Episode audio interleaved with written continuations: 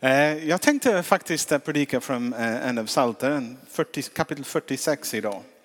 Så vi ska läsa det. Det står för körledaren en sång av Koras söner till Alamut.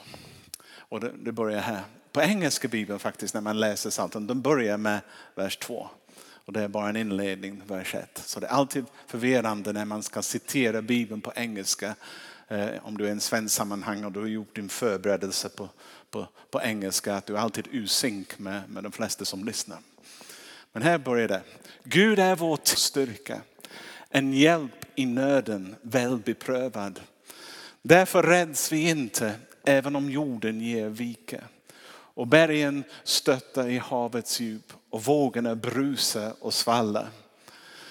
Så att bergen bäver vid deras uppror, sela. En ström går fram med flöden som ger glädje åt Guds stad. Den högsta heliga boning. Gud bor där inne, den vacklar inte. Gud hjälper den när morgon gryr. Folket larmar, riken vacklar. Han höjer sin röst, då smälter jorden. Herren Sebot är med oss. Jakobs Gud är vår borg, Selam. Kom och se Herrens verk. Häpnadsväckande saker gör han på jorden. Han stilla strider över hela jorden. Han bryter bågen och bräcker spjut. Bränn upp vagnarna i eld. Bli stilla och besinna att jag är Gud. Upphöjd bland folken, upphöjd på jorden. Herren Sebot är med oss. Jakobs Gud är vår borg. Sela. Herren, vi tackar dig för ditt ord och vi ber att du ska göra det levande för oss. Kommer din ande ta varenda ord och låt dem gå rakt in i våra hjärtan. Jag ber. Amen. Amen. I söndags predikade jag en predikan om, om Davids hjärta. Eh, det skulle varit upplagt på nätet men det är inte för ni som har missat det. Men denna predikan hör till det. Det är påbyggande. Och eh, i söndags nämnde jag bland annat att eh, David vid den tiden visste vad det var nyckeln in i Guds närvaro och det var tillbedjan. Han lärde sig ut på fältet eller ut i, i vildmark på natten när han var ensam, när han var orolig. När saker och ting började vackla runt omkring honom eller han blev rädd. Vad gjorde han? Han vände sig till Gud och där lärde han sig. När han gjorde det, han kände sig så trygg. Och han visste på något sätt att det som var oroande bara försvann, det smältade bort för han landade i Guds närhet. Och han han präglades av denna närhet. Det förvandlade honom och förändrade honom till faktiskt vara Israels största och bästa kung som de hade. Men det också hade en tendens att påverka de andra runt omkring David. Så det var inte bara att han blev välsignad och stärkt av det. Hans närvaro också personifierade också Guds närvaro till andra. Så även kung, kung Saul vill ha honom för att driva bort ondskan för honom. Och eh, denna nyckel att landa i Guds närhet eh, vill jag predika om. Det är den viktigaste nyckeln kanske vi har fått. Och det öppnar upp det mesta i livet som vi behöver. Eller det öppnar mesta eh, som och gör tillgängliga det mesta som Gud har för oss också. Så det är en viktig nyckel. Men kyrkan har en tendens att tappa det. Eh, eller gömma att använda det och varenda gång vi tappar den nyckeln eller glömmer att använda det, det kommer lämna ett spår efter sig och vi blir inte den människa som vi skulle varit. Vi blir inte den församling som Gud hade tänkt att vi ska vara. Eh, det fungerar inte. Eller vi blir halvbra till vad vi borde vara. Nu, jag vet när jag jag har förmån, jag, jag är 60 år gammal, jag fattar inte det själv men jag är det. Eh, jag har växt upp i en kristen familj. Jag har haft en hel rad av fantastiska kristna människor som har talat in i mitt liv under varje fas av mitt liv.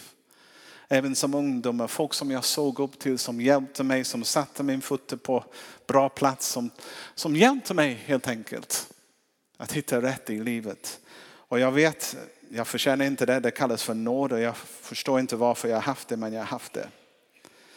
Och eh, jag har också tusentals predikningar eller bra bibelstudier också. Som har gått in. Många av dem har gått in där och kommit ut den sidan men fler av dem har gått igenom hjärtat.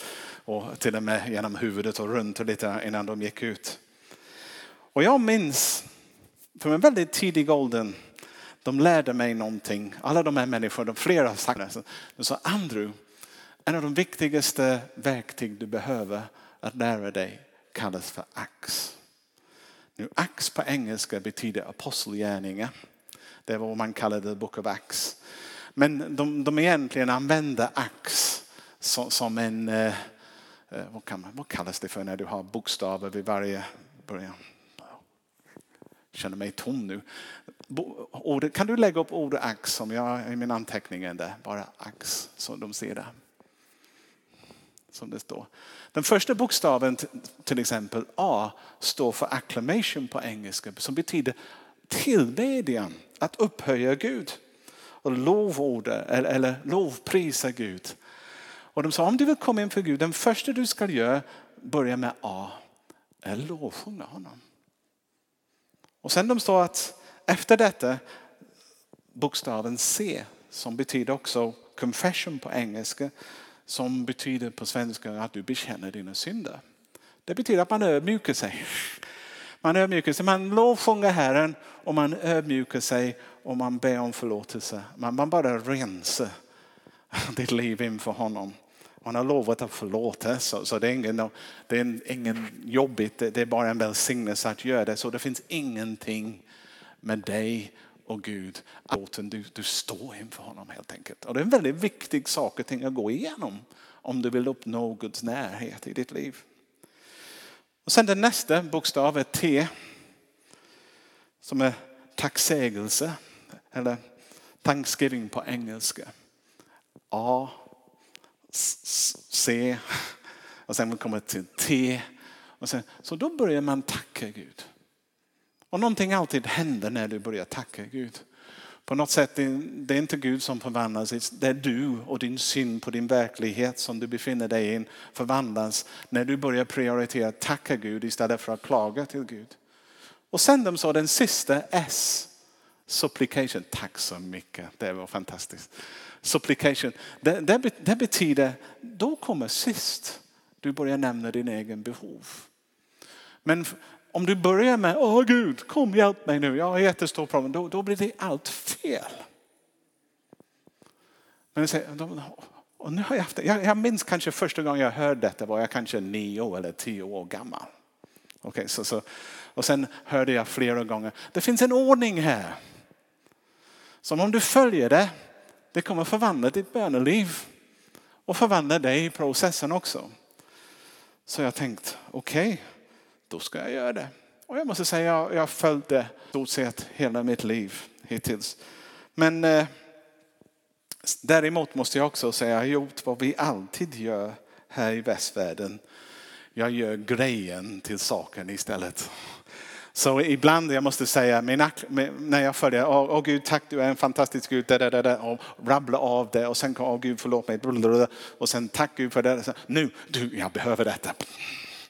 Jag har gått igenom rutinen men någonstans längs vägen har jag tappat relationen.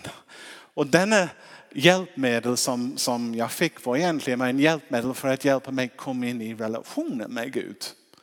Det var inte nyckel, det var inte själv nyckeln att bara gå igenom det. Det är lite grann som Fader vår. Det är inte bönen, det är bara en mönster för att hjälpa dig få en ordning på hur du ber. Och när vi rabblar av det, Fader vår du som är i himlen. Jag är inte säker att vi gör det som, som Jesus tänkt från början när vi gör det på det sättet. Det, var någon, det är en ram som vi hänger på vår, vad kan man säga, vårt hjärta i det också när vi gör det. Men eh, denna ax kommer inte hjälpa dig om du bara går igenom det som, som en rutin. Och du bara tänker, nu måste jag lovprisa så jag gör det. Nu måste jag bekänna, nu gör jag det. Nu måste jag tacka, jag det. Och nu kan jag Det kommer inte funka. Det är bara en hjälpmedel att hjälpa dig fokusera på det som är viktigt. Men om du gör det, du kommer märka att nyckeln faktiskt fungerar. Och du kommer in i det som du vill ha. Nu kommer jag säga provocerande saker som jag brukar göra. Men jag säger det med hjärtat ändå. Men jag säger bön som det ofta praktiseras i vår kyrka idag är tyvärr inte samma bön, tror jag, som finns i Bibeln. Och det är inte samma bön som David och hans lovsångsledare ledde i. Det som vi ofta hör i våra kyrkor, i vår värld. Och det fungerar inte heller för det mesta. Och bönen är ett område i, i våra liv och i våra kyrkor som håller på att dö ut. Och det håller på att dö ut tror jag för att det borde dö ut i den formen som det ofta är. För vi ibland går genom en motion.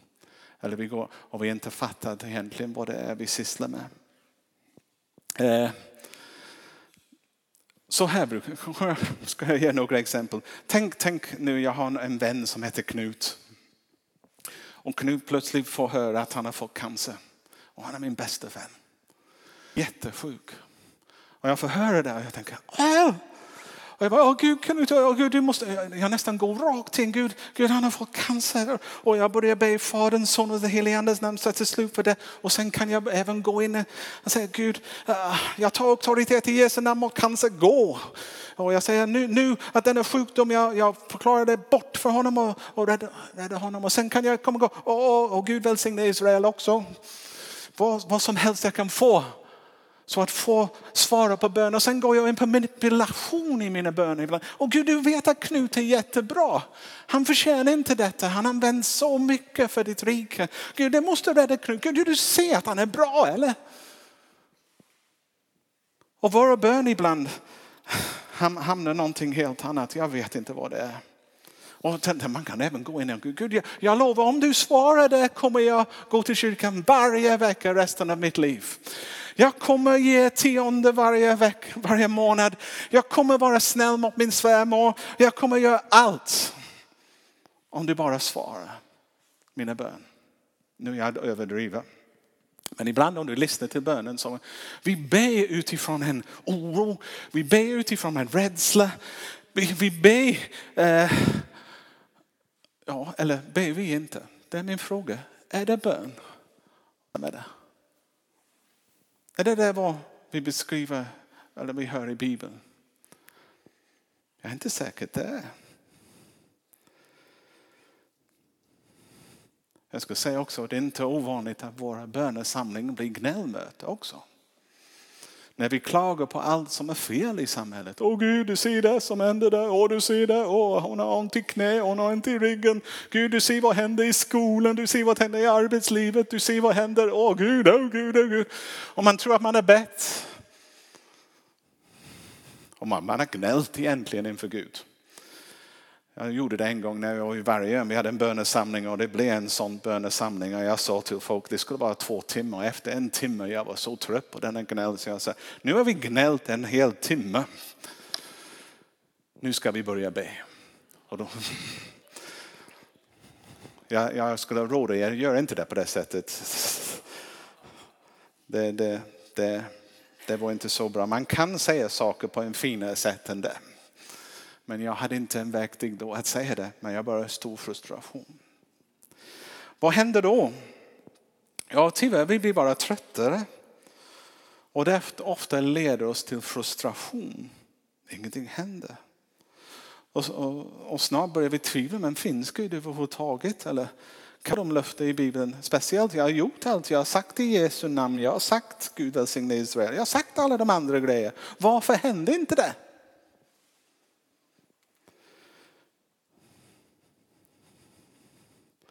Jag ska säga tvivel. Vi börjar be utifrån vår tvivel, be utifrån vår oro. Och oro och tro kan inte äga samma plats. Du kan inte ha oro i ditt hjärta och tro i ditt hjärta. En av dem måste försvinna. Och du har nyckeln till vilken det är. Och det har allt med var du sätter din fokus. För någonstans längs vägen, våra böner slutar handla om, om den behövande, i denna fall Knut. Och det handlar om mitt försök att hitta Gud. För min frustration är inte längre att Knut inte på något sätt. Jag känner som jag måste få tag på Gud på något sätt. Jag måste ta fast i honom som att han gör något. Så, så istället för att be för honom, nu har jag börjat be Gud, var är du? Och den bönen nu handlar om att försöka hitta honom. Jag ska säga bönen, speciellt i början, har inte så mycket med att tala heller än att lyssna. Att landa i Guds närvaro. Det är den viktigaste vi behöver. Matt Redman, den sång som i dagens början, eller han börjar lovsjunga Gud. Han vill landa i början på dagen. Men Gud, det är du som har all makt. Gud, du är god. Gud i dig. Och sen även åt slutet, han vill också avsluta dagen med ja, du är god. Du är god. Nu, tillbedjan och tacksägelse är det mest effektiva sätt att hitta Gud. De finns för att hitta Gud. De är de hjälpmedel som, som Gud har gett oss för att ja, hjälpa oss find him. Så om, du, om, om vi behöver hitta Gud först, hur gör vi det? Innan vi börjar be för Knut eller någonting. Men man hittar Gud genom tillbedjan. Man hittar Gud genom att upphöja honom. Och, och jag ska säga att David och de andra psaltaren författare, de fattar detta. Det är så tydligt när du läser igenom psaltaren, gång på gång. De vänder sig till Gud först och främst.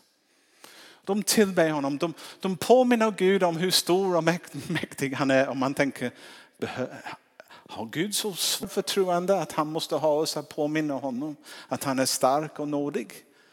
Nej, absolut. Han har inget behov av sånt. Men vi har behov av att påminna oss själva vem det är vi möter.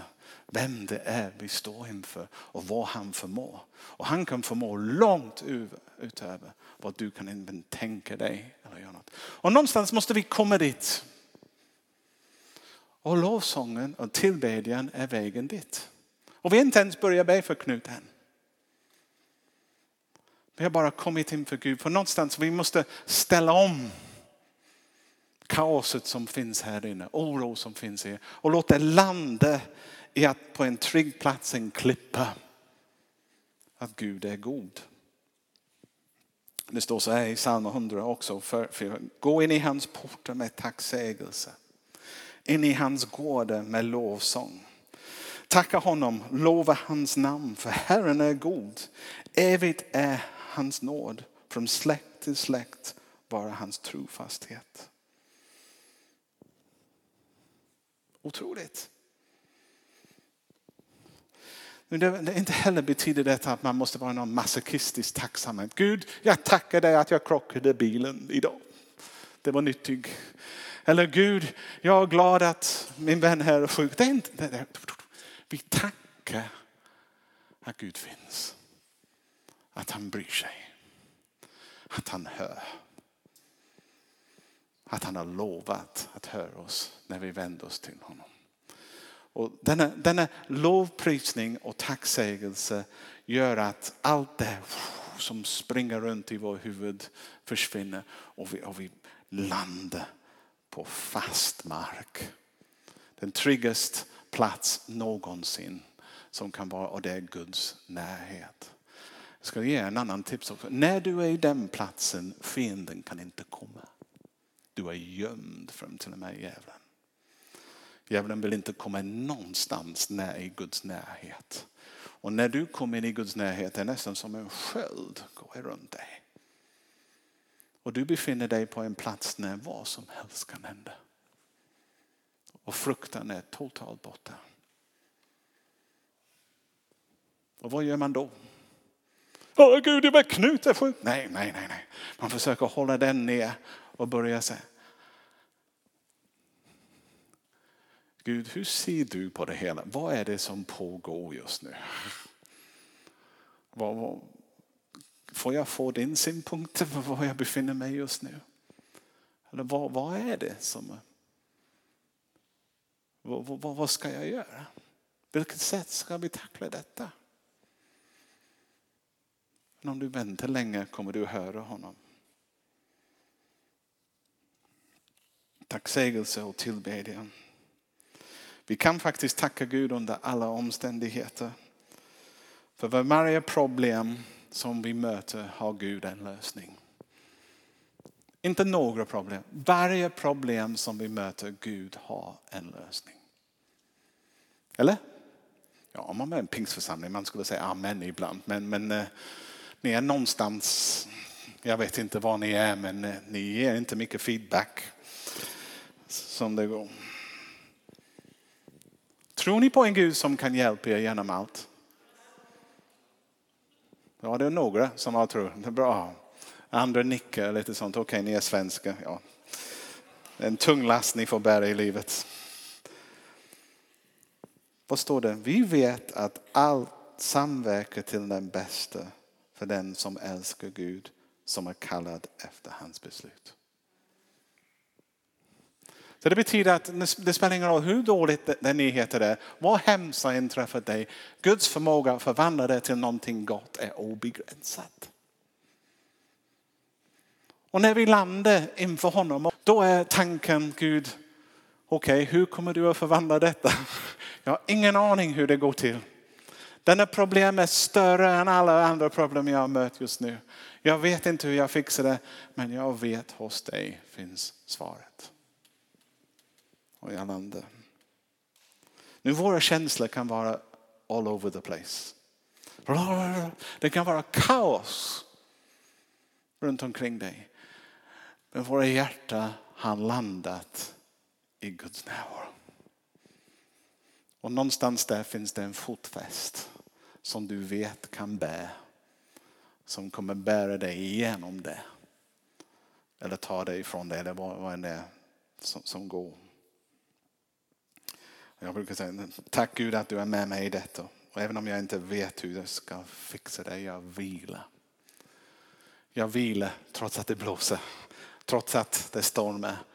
Att du är stort nog att ta mig igenom det. Amen. Och det är inte bara att ta mig igenom det, ah, överlevt med seger och välsignelse i mitt liv också. Och då står det i psalm 95, jag bara kan recitera, jag kunde citera hur många psalm som helst, men låt oss träda fram för hans ansikte med tacksägelse. Ge honom med lovsång.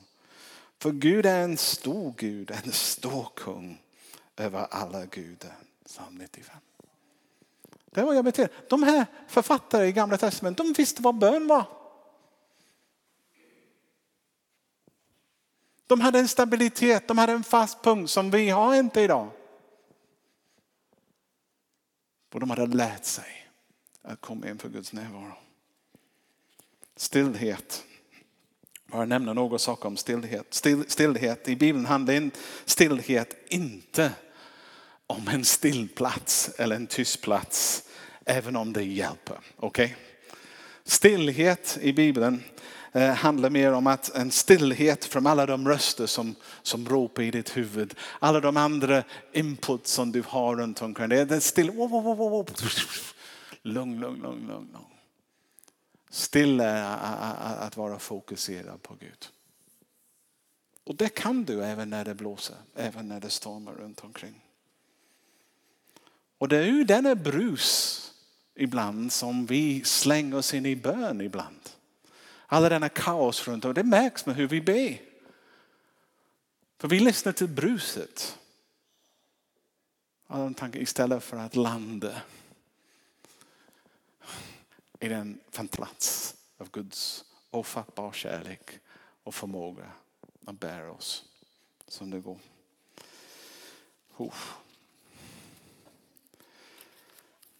Om vi inte stillar oss då börjar vi gå i vår egen kraft och då kommer vi tröttna.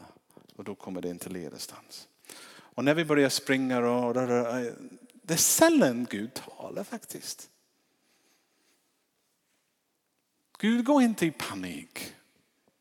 De gånger när han faktiskt säger någonting, om det är hörbart det är det några få gånger. Men i hans tysthet på något sätt någonting händer. För det finns en enorm skillnad mellan att Gud talar till oss och att han talar i oss. Okay. När, när de flesta kristna säger att Gud har sagt till mig, det betyder inte att de hör en hörbar röst. Som så. Det betyder mer att utifrån vår förråd av, av ord, tankar, fundering, fundering, inläst bibelord som vi har läst under en längre tid. Eh, eller råd som vi har fått höra. Gud drar ur all detta en skatt. Och han lägger det framför dig sådär och du fattar, så här är det.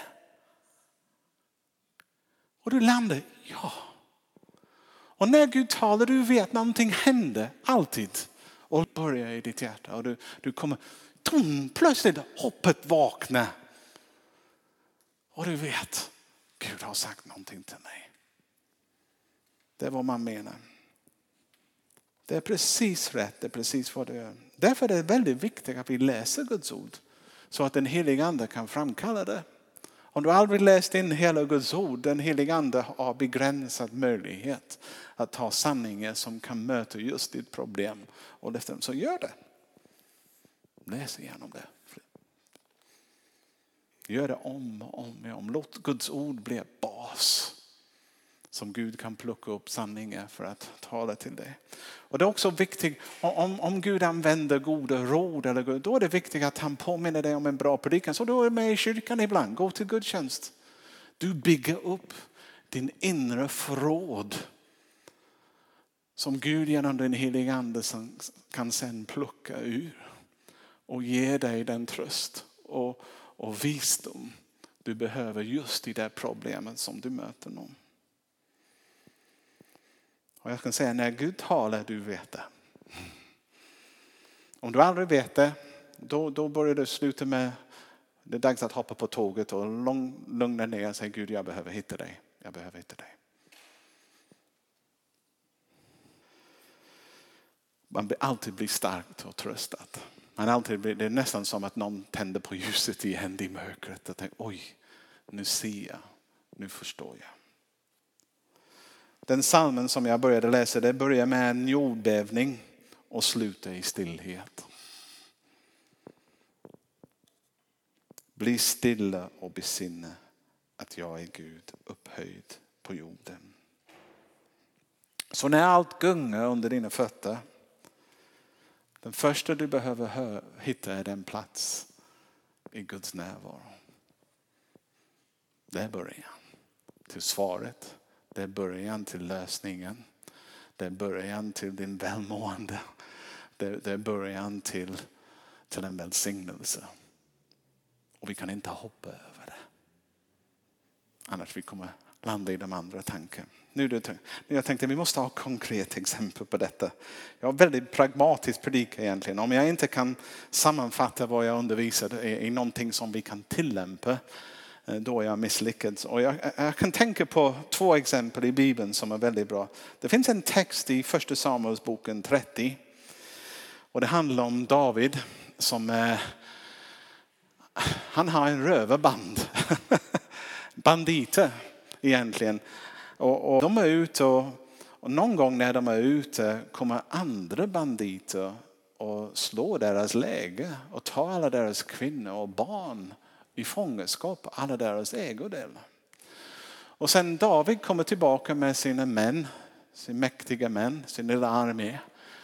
Och, och de är så stötta av detta, så arg att det står så här i, texten. Det står David var i stor fara för folket hotade att stena honom. Så förbittrade var de alla, var och en för sina söners och dotters skull. Men David hämtade kraft hos Herren. Okej? Okay? David hämtade kraft hos Herren. Vad gjorde han? Han gick in i hans närvaro. Han rakt in i det. Och eh, han kände hur han började bli överväldigad av alla oro. Han började gå i panik. Vad händer nu? Vad händer till de kvinnor jag älskar? Vad händer med mina barn? Han kände kaos bara komma in på honom. Och han kunde gå, åh, ska vi strida? Ska vi gå efter jaga dem? Och han bara, nej, nej, nej, nej. Det, det kommer bli dåligt om jag gör det. Jag måste landa. Så han landade, han sökte Gud. Han praktiserade vad han hade skrivit många gånger i Psaltaren. Han praktiserade och han sökte Herren. Och sen han hade hittat Herren, han ställde frågan. Okej okay, Gud, vad ska jag göra? Ska jag jaga efter dem eller ska jag låta det vara? Hur, hur, löser vi det? Och Gud säger, gå efter du. Du skulle... Jag kan läsa texten så att vi får det rätt. Ehm, David frågade Herren, ska jag jaga rövarbandet? Kan jag hinna upp dem? Herren svarade honom, jaga dem, för du kommer att hinna upp dem och rädda alla. Ångest släppt, alla oro. Han hade hittat Gud. Han jagade efter. Och han var lugn och sinnad. Alla andra var trötta. Om du läst berättelsen själv, första Samuel 30, gå och läs det ikväll. Underbart. Han var stabil. Han var den fast punkt i det hela. För han hade mött Gud och andra blev välsignade. Och de fick allt tillbaka. Inte en enda hade dött heller. Nästa exempel kan vi läsa i Matteus 8, 23 27. Jag vet inte, vi, behöver inte, oh, jag kan läsa. Jesus steg i båten och hans lärjungar följde med honom. Då blåste upp en full storm och sjön så att vågorna slog upp över båten. Men han sov. Då kom de fram och väckte honom och sa, Herre rädd, gå under. Han sa det till dem, varför är ni så rädda? Så lite tro ni har. Sedan reste han sig och talade strängt till vinden och sjön och det blev alldeles stilla. Och männen häpnade och sa, vem är han? Till och med vinden och sjö lyder honom. Ja, lärjungar de var på båten, Jesus var med dem och de blev rädda. Hur deras rädsla. Oh, vi kommer drunkna, vi kommer dö. Jesus rädda oss. Både utifrån stillhet och tillbedjan? Det var utifrån den panik, den oro. Och Jesus vaknade till och sa, vad är problemet? Jag är här, typ. Och sen säger han till vågorna och vinden blir stilla och det är alldeles still. Vem har all makt? Jesus har all makt. Så även hans lärjungar fick lära, lära sig det.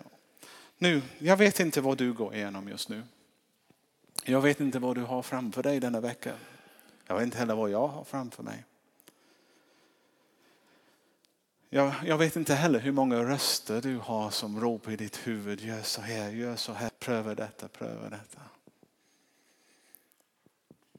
Men jag vet att din främsta behov är att komma in för Guds närvaro. Varje dag. Det är där du får ordning på kaos. Det är där du hittar fast mark under dina fötter. Det är där som stabilitet, framtidstro finns. Och det är där som svaret som du behöver. Och jag ska säga, vi, vi ber inte Gud om svar. Vi söker Gud och sen vi får svar från honom och sen vi ber ut svaret. Det finns en skillnad mellan de två.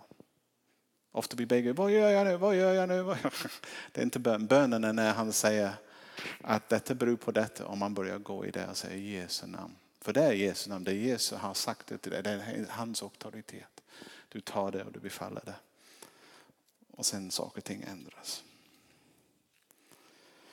Det är nödvändigt att vi tillber och tackar Gud och förflyttar oss i anden i hans värld. Vad jag har förkunnat för er nu är en andlig övning. Det är inte religion. Religion är ax när vi går igenom det steget.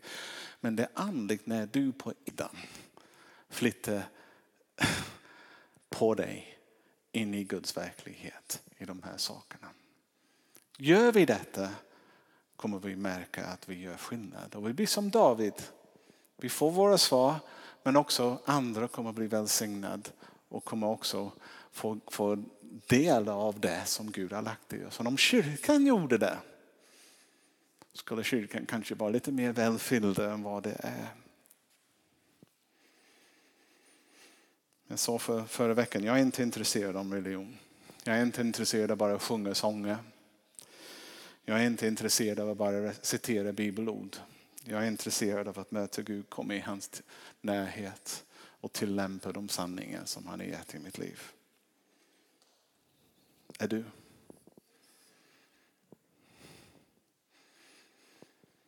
Ja, ska vi sluta där?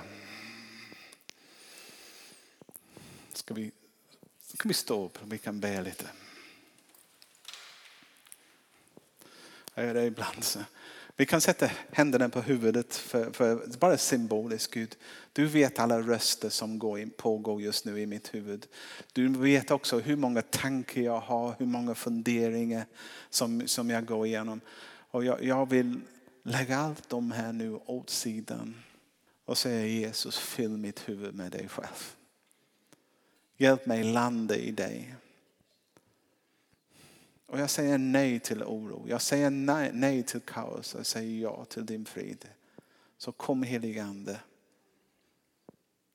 Hela mig från mitt sätt att tänka. Hela mig från mina dåliga vanor. Hela mig från min, min tendens att handla i min egen kraft. Och gör mig till en Guds man eller en Guds kvinna. Jag ber.